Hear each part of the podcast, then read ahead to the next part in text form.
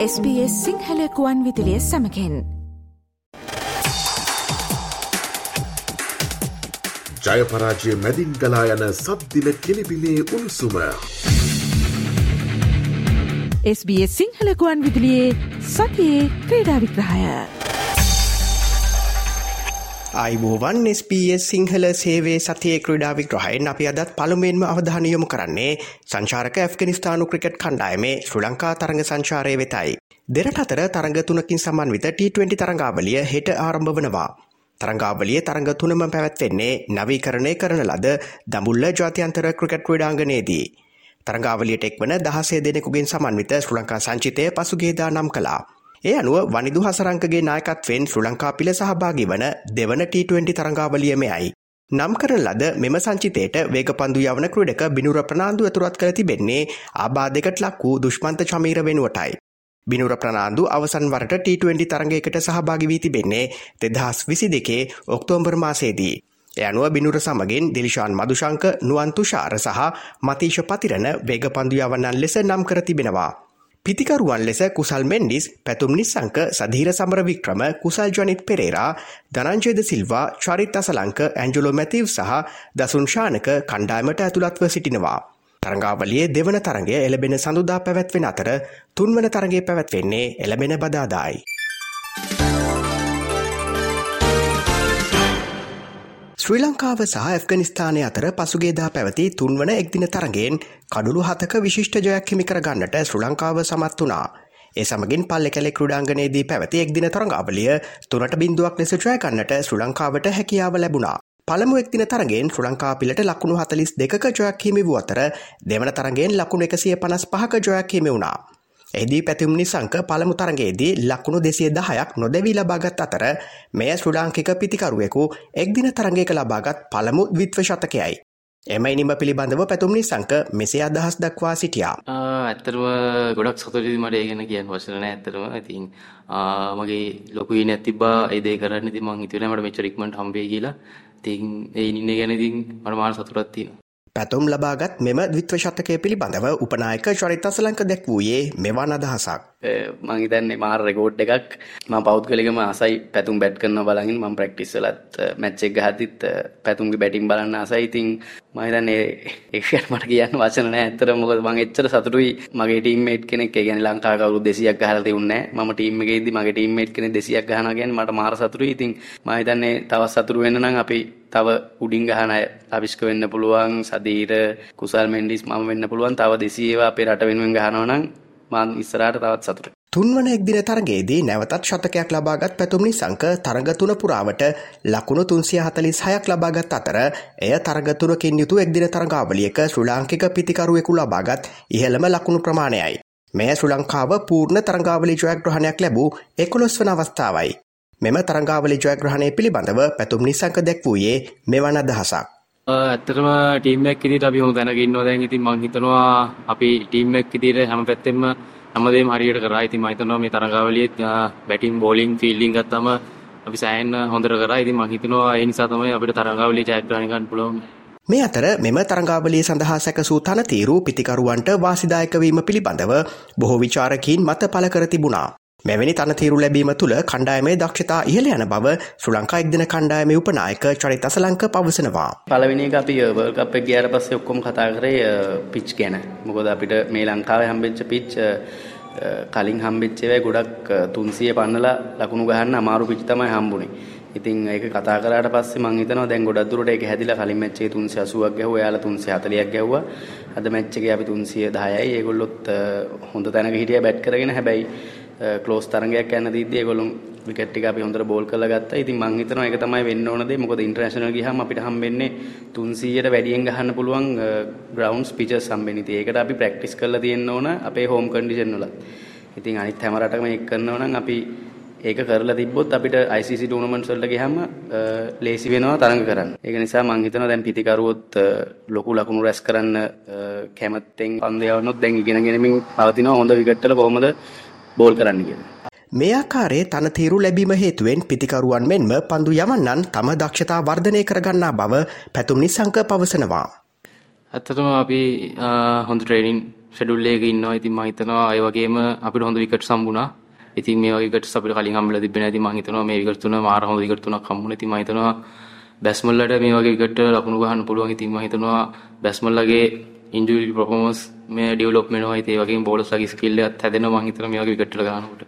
මේ අතර නැවතත් ටෙස් ක්‍රිකට් කණ්ඩායමට එක්වීම තව බලාපොරොත්තුව බව පැතුම් නිසංක පවසනවා. මං වැඩිපුර ආසම ටෙස් ක්‍රීඩාවට තමයි ඉතින් මං හිතනවා මට chance එකක් හම්බුනොත් ඉතින් මට පුළුවන් කුරුම මං කණ්ඩායම වෙනුවෙන් දෙන්න බලාපොරොත්තු වෙනවා ඉතින් ආයි ටෙස් කණ්ඩායමට එන්න බලාපොරොත්තුවක් තියෙනවා. තමානාගත බලාපොරොත්තුව ලොව හොඳම පිතිකරුවා බවට පත්වීම බවයි ඔහු වැඩිදුරටත් පවසන්නේ. ඇත්තටම මං කැමති ලෝකේ හොඳම පිතිකරුවා වෙන්න. ඉතින් මං ඒකට මං පුළුවන් කුරුම මහන්සි වෙනවා ඉතින්. ක්‍රීඩයක ඉදිරියට මං කැමති ලෝකේ හොඳම බැස්මන් වෙන්න. මෙම තරංගාවලිය පුරාවට ඉහළ ප්‍රේක්ෂක සහභාගිත්වයක් දක්නට ලැබීම කැපී පෙනුණා. මෙම සියලු ප්‍රේක්ෂකයින්ට කණ්ඩායම වෙනුවෙන් සූතිවන්ත වන බවයි පැතුම් නිසංක වැඩිදුරටත් පවසන්නේ. ප්‍රේක්ෂකයෝ නැත්තම් මේ ක්‍රීඩාව පවතින්නේ නැහැ. ඉතින් මං හිතනවා මාර සපෝට් එකක් දෙනවා අපිට හැමදාම ඇවිල්ලා. ඉතින් මං ඉල්ලන්නේ හැමදාමත් අපිත් එක්ක ඉන්න. ඉතින් ඔයගොල්ලන්ට ගොඩක් ස්තුතියි අපිත් එක්ක ඉන්නවට. මේ අතර කලකට පසුව ලැබූ මෙම එක්දින තරගාවලි ජයග්‍රහණය පිළිබඳව ක්‍රීඩා ලෝලීන් මෙසේ අදහස් දක්වා සිටියා. අපි දන්නවා මින් ඉදිරියට අනිවාර්යෙන් ලංකාවේ සිංහව බිහි වෙනවා ක්‍රිකට් වලින්. ජය! තරග තුනක් දෙන්න T20 නතින් 50 50 මොකද්ද? 20 ඉතින් නතින්නේ 50 ගැව්වන 20 මොකද්ද?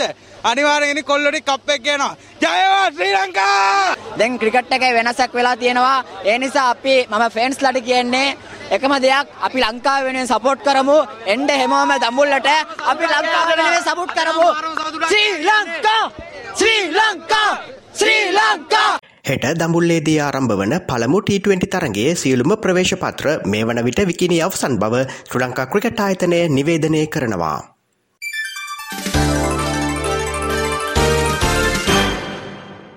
ශ්‍රී ලංකා ක්‍රිකට් ආයතනය සංවිධානය කරන නැශනල් සුපලීක් සිව්දින ක්‍රිකට් තරගාවලිය මේ දිනවල ක්‍රියාත්මක වනවා.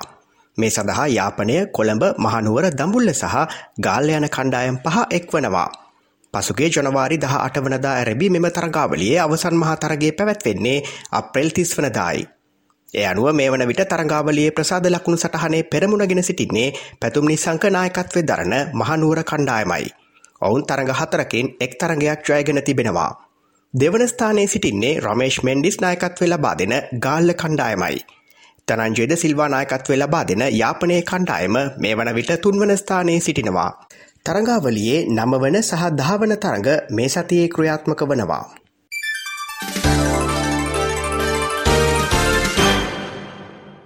SBS සිංහල සේවේ සතියේ ක්‍රඩා විග්‍රහයෙන් අපි දැන් අවධාන යොමු කරන්නේ ඔස්ට්‍රලයානු ක්‍රඩා පිටිය වෙතයි. ඔස්ට්‍රලියාව සහ බටහිරින්දේ කොදෙව් පිලාතර පැවති තුන්වන T20 තරගෙන් ලකුණු ති සතක ජයක්කිමි කර ගන්නට කොදෙව් පිළ සමත් වනා. පළමුුව පන්දුට පහරදේ කොදෙව් පිළ ලකුණු දෙසිය විස්සක් ලබාගත් අතර ඔස්ට්‍රලියාව ලබාගත්තේ ලකුණු එකසි අසූතුනක් පමණයි. කෙසේ වෙතත් දෙරට අතර පැවති T20 තරංගාවලිය දෙකට එකක් ලෙස ජය ගන්නට ඔස්ට්‍රලියාව සමත් වනා. එහිදී දෙවන T20 තරගේදී තම පස්වන T20 ශතකේ වාර්තා කරන්නට කලේන් මැක්ස්වෙල් සමත් වනා. ඔහු පන්දු පනස්තුනකින් ලකුණු එකසිය විස්සක් ලබා ගත්තේ හතරේ පහර දොළහක් සහ හය පහර අටක් සමගින්. තරඟ තුන පුරාවට ලකුණු එකසිය හැත්තෑ තුනක් වාර්තා කළ ඩෙවිඩ් වෝන තරඟාවලියේ වීරයා සම්මානය හිමි කරගත්තා. ඔස්ට්‍රලයානු ක්‍රිකට් පිළේ මීළඟ තරඟ සංචාරය පැවැත්වෙන්නේ නවසිලන්තේ සමගයි. එහිදී T20 තරඟ තුනක් සහ ටෙස් තරග දෙකක් පැවැත්වෙනවා. එම තරංගාවලිය පෙබරවාරි විසියෙක් වනදා ආරම්භවීමට නියමිතයි.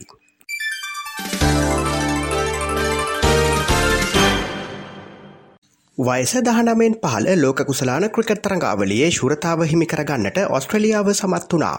ඒ අවසන් මහ තරගේදී ඉන්දිය පිළ ලකුණු හැත්තෑ නමයකින් පරාජය කරමින්. පළමුුව පන්දුර පහරදුන ඔස්ට්‍රලියයානු යොවුන් පිළ ලකුණු දෙසිය පනස් තුනක් ලබාගත් අතර ඉන්දිය යොවුන් පිළ සියල්ලන් දෙවී ලබාගත්තේ ලකුණු එකසිය හැත්තෑ හතරක් පමණයි. ඒ අනුව ඔස්ට්‍රලියාව වයස දහනමෙන් පහළ ලෝක කුසලාන ක්‍රිකට් තරඟාවලියක ශුරතාව හිමි කරගත් සිව්වන වතාවමයයි. මීට පෙර දහස් නමසි අසුවට දෙදහස් දෙක සහ දෙදහස් දහ යන වසරවලදී ඔස්ට්‍රලියාව දහනමෙන් පහළ ලෝකශූරතාව හිමි කරගන්නට සමත් වී තිබෙනවා. ඇනුව මීළඟ යොවුන් ලෝක කුසලාන ක්‍රිකතරංගාවලිය දෙදහස් විසි හය වසරේදී සිම්වාබ්බේ සහ නැමේබියාහිදී පැවැත්වීමට නියමිතයි.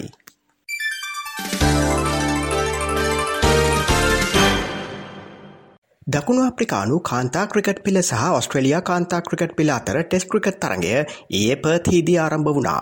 තරගේ පළමුදිනේ නිමාවන විට තම පළමුුවනිම ක්‍රඩා කරන ඔස්ට්‍රලියාව කඩුළු පහකට ලකුණු දෙසිය පනස්ස එකක් ලබා සිටියා. නායිකා එලිසාහිලි ලකුණු අනු නමයකට දැවී ගියා. දකුණු අප්‍රිකාව සිය පළමුුවනිමට ලබාගත්තේ ලකුණු හැත්තෑ හයක් පමණයි. මෙම තරගාවලිය T20 තරඟාවලිය දෙකට එකක් ලෙස ඔස්ට්‍රලියාව ජයගත් අතර එක්දින තරඟාවලියත් දෙකට එකක් ලෙස ජයගන්නට ඔස්ට්‍රලියාව සමත් වනා. ඒ සමගින් SBS සිංහල සේවේ සතියේ ක්‍රඩා විග්‍රහයෙන් අදට අපි සමුගන්නවා හමුුවමු ලබන සිකුරාදාත් සුපුරුදු වේලාවට එතෙක් ප්‍රාර්ථනා කරන්නේ ජයග්‍රාහි සතියක්.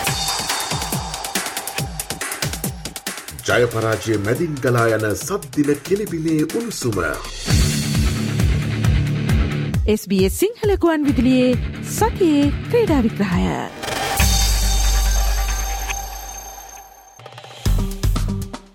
ලයි කරන්න ෂයා කරන්න අදහස් ප්‍රකාශ කරන්න SBS සිංහල ෆස්බුක් පිටුව ෆලෝ කරන්න.